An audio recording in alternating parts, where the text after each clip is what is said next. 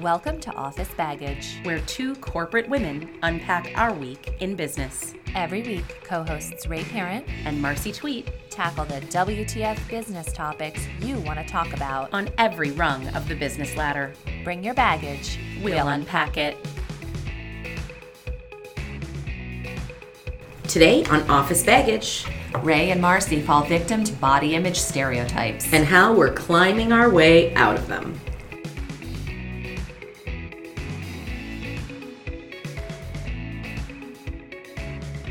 So, welcome back, Ray.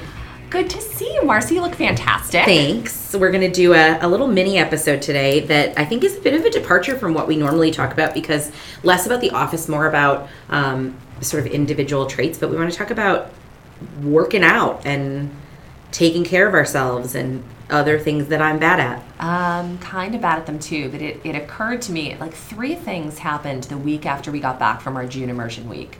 One, I got winded while eating. Oh, Jesus.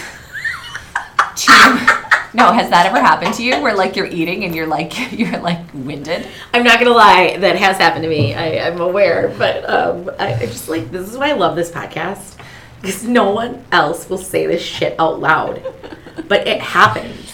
So when got- it's like, oh my god, I like I'm eating McDonald's cheeseburger so fast, I suddenly realize I'm gasping.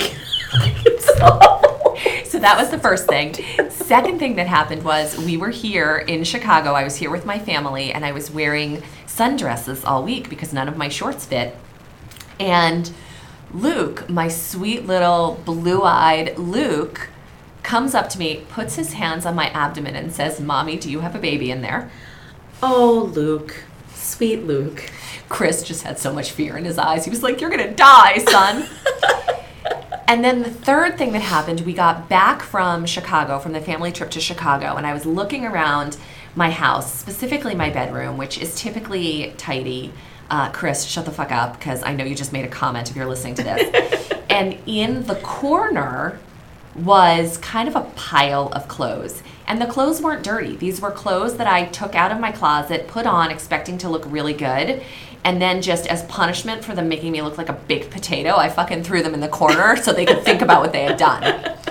So, all of these things converged, and I was like, I need to get my shit together. I'm gonna die. Yeah. Maybe that's an exaggeration, but one should not get winded while eating dim sum. Yeah. Yeah, no, I get you. I had a very I've had a very similar sort of realization and I think I had it I think I had the same realization a little over a year ago before I was sort of like, okay, I got into Kellogg and doing this thing like I'm to get my shit together. And I did pretty well. And then it was last June, so like a year ago, a year and two months ago, where I really, really severely hurt my ankle and it derailed everything. Um, but going back to like when I got divorced in 2008, I was at my highest weight ever. And then I lost 100 pounds What the? and I lost 100 pounds, and then slowly, um, but surely, I kept that weight off from 2008 until 2000, probably 2011, 2012. Um, I was sort of the same weight and really, really healthy, and ran half marathons and was super, super healthy. And then slowly, it's like 2012, 2013, 2014, 2015. You go five years, like every year's been like 10, 12, 15 pounds, 10, 12, 15 pounds. And now I'm like, oh shit, you're 20 pounds away from where you were when you were at your highest weight and you have 80 pounds to take off again. I'm like, fuck you, you dumb body. And I'm like, why did you not take care of this earlier? But it's been that thing where I'm like, I finally am like, all right, fine. You need to get your shit together. Like, you need to finally get your shit together. so what are you doing? So I hired a trainer um, who I love, Lisa, and she is, um, you know, sadistic and and makes me cry. And no, I'm kidding, but she is. She's mean, which is good, and she kicks my ass. I leave there going like, oh my god, I feel like I'm gonna die, but in the best way. That's her job.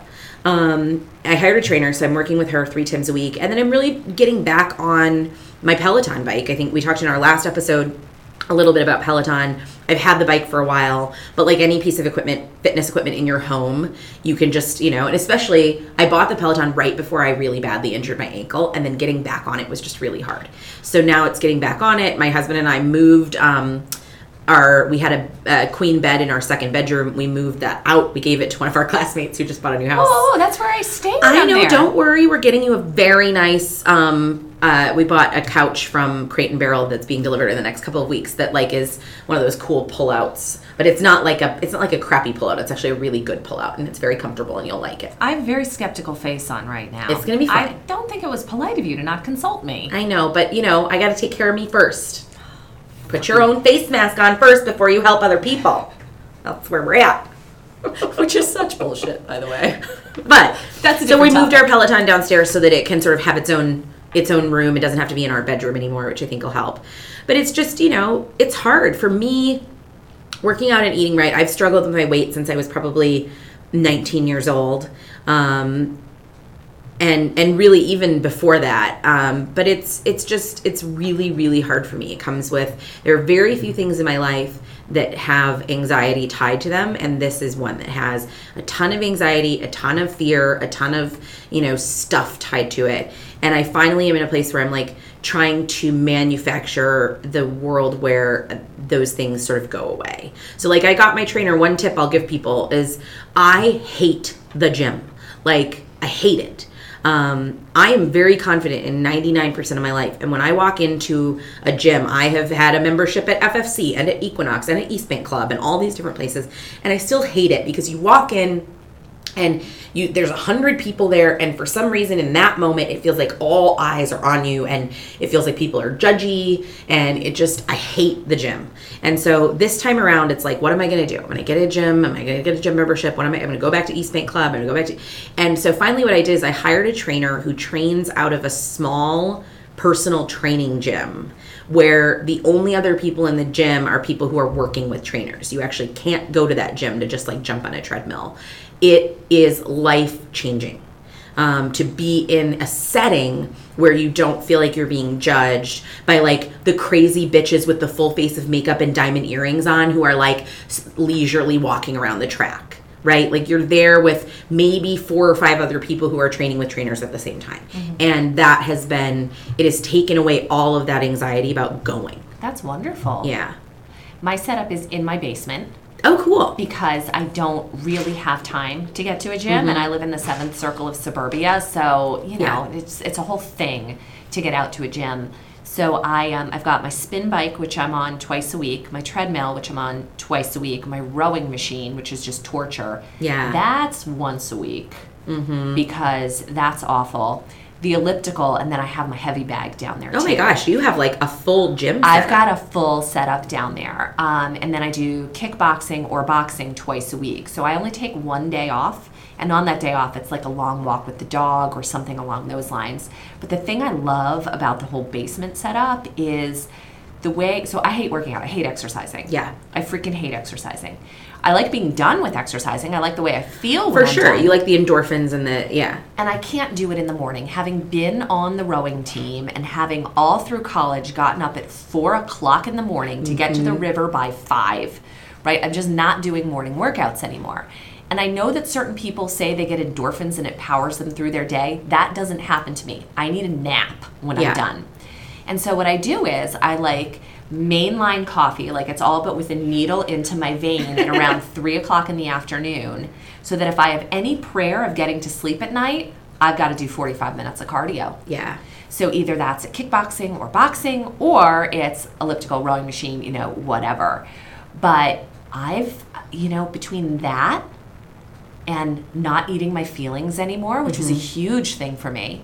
Um, I either work out obsessively or I eat my feelings in order to control those anxieties. Um, I've managed to drop quite a few pounds since we were here last. Like I, my shorts fit again. That's good. I mean, my legs look like polenta because they haven't been out in the sun all summer, so the shorts aren't happening. But it, it's nice to just yeah. and and it's it's not about being a certain size. It really Mm-hmm. isn't. It's about not wanting to buy new clothes. Well, and for me, it's about not, you know, you and I have are are really i mean obviously fat chicken token jew like you know you have you've always even with wanting to lose some weight or, or get stronger you've always, you're always thin. Like Uh-huh, you've yeah. always been thin. So i'm not which is fine. But the thing for me is i don't want to have anxiety about doing things. Like good example i'm going to africa in march. Like, I don't want to worry about feeling incapable. Like, I want to be at the strongest I can be when I go gorilla trekking in Rwanda. Yeah. You know, like that's the that's the feeling I have and it's like I don't want to feel weak and for the last probably year, really since I hurt my ankle in June, I just have felt super weak. And I finally now am starting to see the turn of feeling stronger again. And that is huge. That's incredibly empowering. You know, probably a topic for a separate podcast, but one that I really want to get into and dig into is this idea of anxiety. Um, I got a note from a listener probably a couple of weeks ago, and this is someone that I used to work with, and very successful person, someone that I, again, I used to work with. And she was talking about her journey and she was talking about some of the debilitating anxiety that she felt when she was at a career crossroads.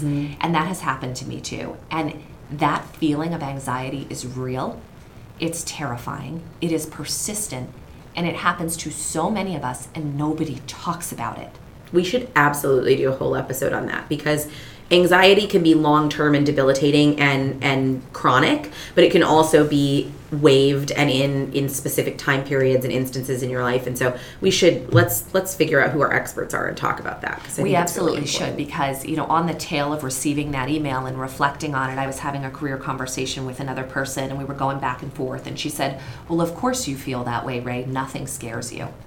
And I was like, Whoa. Oh my God. As a mentor and as a coach, I'm doing people a major disservice if they think that nothing scares me. Mm-hmm. Because there are mornings where I just do not want to get out of bed and face my shit. Yeah. And that happens to all of us. it happens to everybody and i think we also i think sometimes are for me in that it's always myself and my body that gets the brunt of all of it right it's like i'm anxious so i eat my feelings or i'm you know think something's not going well at work or at school or whatever and i have too many glasses of wine or you know whatever and everybody does those things and it's how do you rein it in and start to put yourself first and it's hard Feelings, let's face it though, feelings are delicious. Yeah, I know. Eating feelings is fun. so so delicious but i um i was doing really really well and i was feeling great you know mainline and coffee aside i had so much energy um, as i had mentioned in a in a prior podcast very busy ton of energy more time to more quality time with my husband and my kids uh, went to seattle and look it's really hard to eat well when you're on the road Yeah. and instead of exercise, I went for extra fries, like literally Yeah. at every single meal. Like my kids would eat their fries, and I'd be like, ooh, potatoes, which are amazing. Yeah. Potatoes give us vodka, french fries, Mm-hmm. potato skins. Yep. The rest of the tubers need to get their shit together. I know. Potatoes are amazing. Potatoes fantastic. But yeah. anyway, I, I got back from Seattle and I was like, wow, I really don't feel good about Mm-hmm. myself. Um, I wasn't, you know, I wasn't winded when I was eating again, but just, you know, I got on the treadmill and I was sluggish and um, Yeah. it just, it was kind of a good mid get healthy wake up call. Mm-hmm. Yeah, that's for sure. I've you know, for me it's it's hard because I feel like I keep doing this like short slide back where it's like, okay, come on now, you got to get your shit together. Where it's like, I can't do this five out of seven days a week. Like I need to, I need to keep my shit together most of the time, not Yeah. just part of the time. Um, but it's been really interesting, and I think part of this too, and I noticed this about myself, and I still have not been perfect about it, is that something comes up at work and I prioritize that instead of life. You know, I I have canceled with my trainer because I'm like, oh my god, something huge came up. I got to take care of this. I can't get out of here. You know, and I'm trying to do my best. Um, but one of the things that I think really helped is I this actually took me a lot of courage to do, and I probably wrote the email 900 times.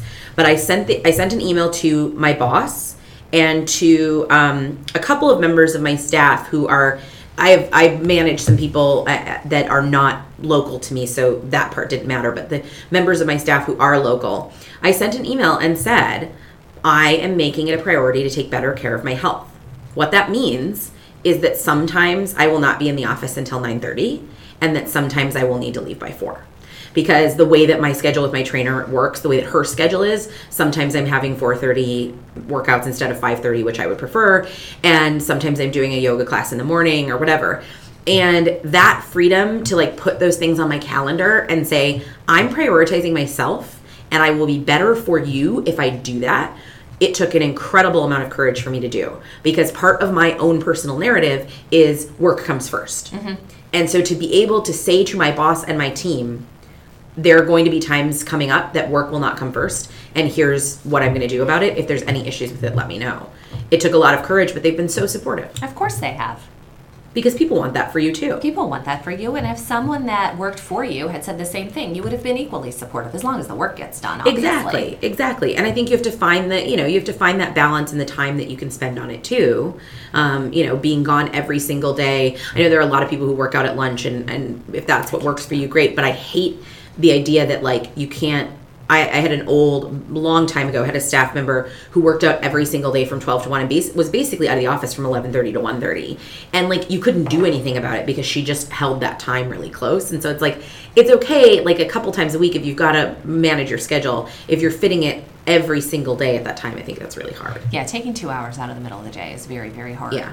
Um, but it, whenever you can get it done, you got to get it done. Yeah. And don't apologize for it. That's been the hardest thing for me. Is like I had um, something got scheduled right up against uh, at something I had scheduled um, in the afternoon, and I found myself going like, "I'm really sorry. I need to leave by four. And it's like, God, Marcy, no, stop it. Where it's like, this is on my calendar. It's been on my calendar. I need to be out of here by four. Right. I can't do that meeting. You need to move it. You know, and it's like I just need to.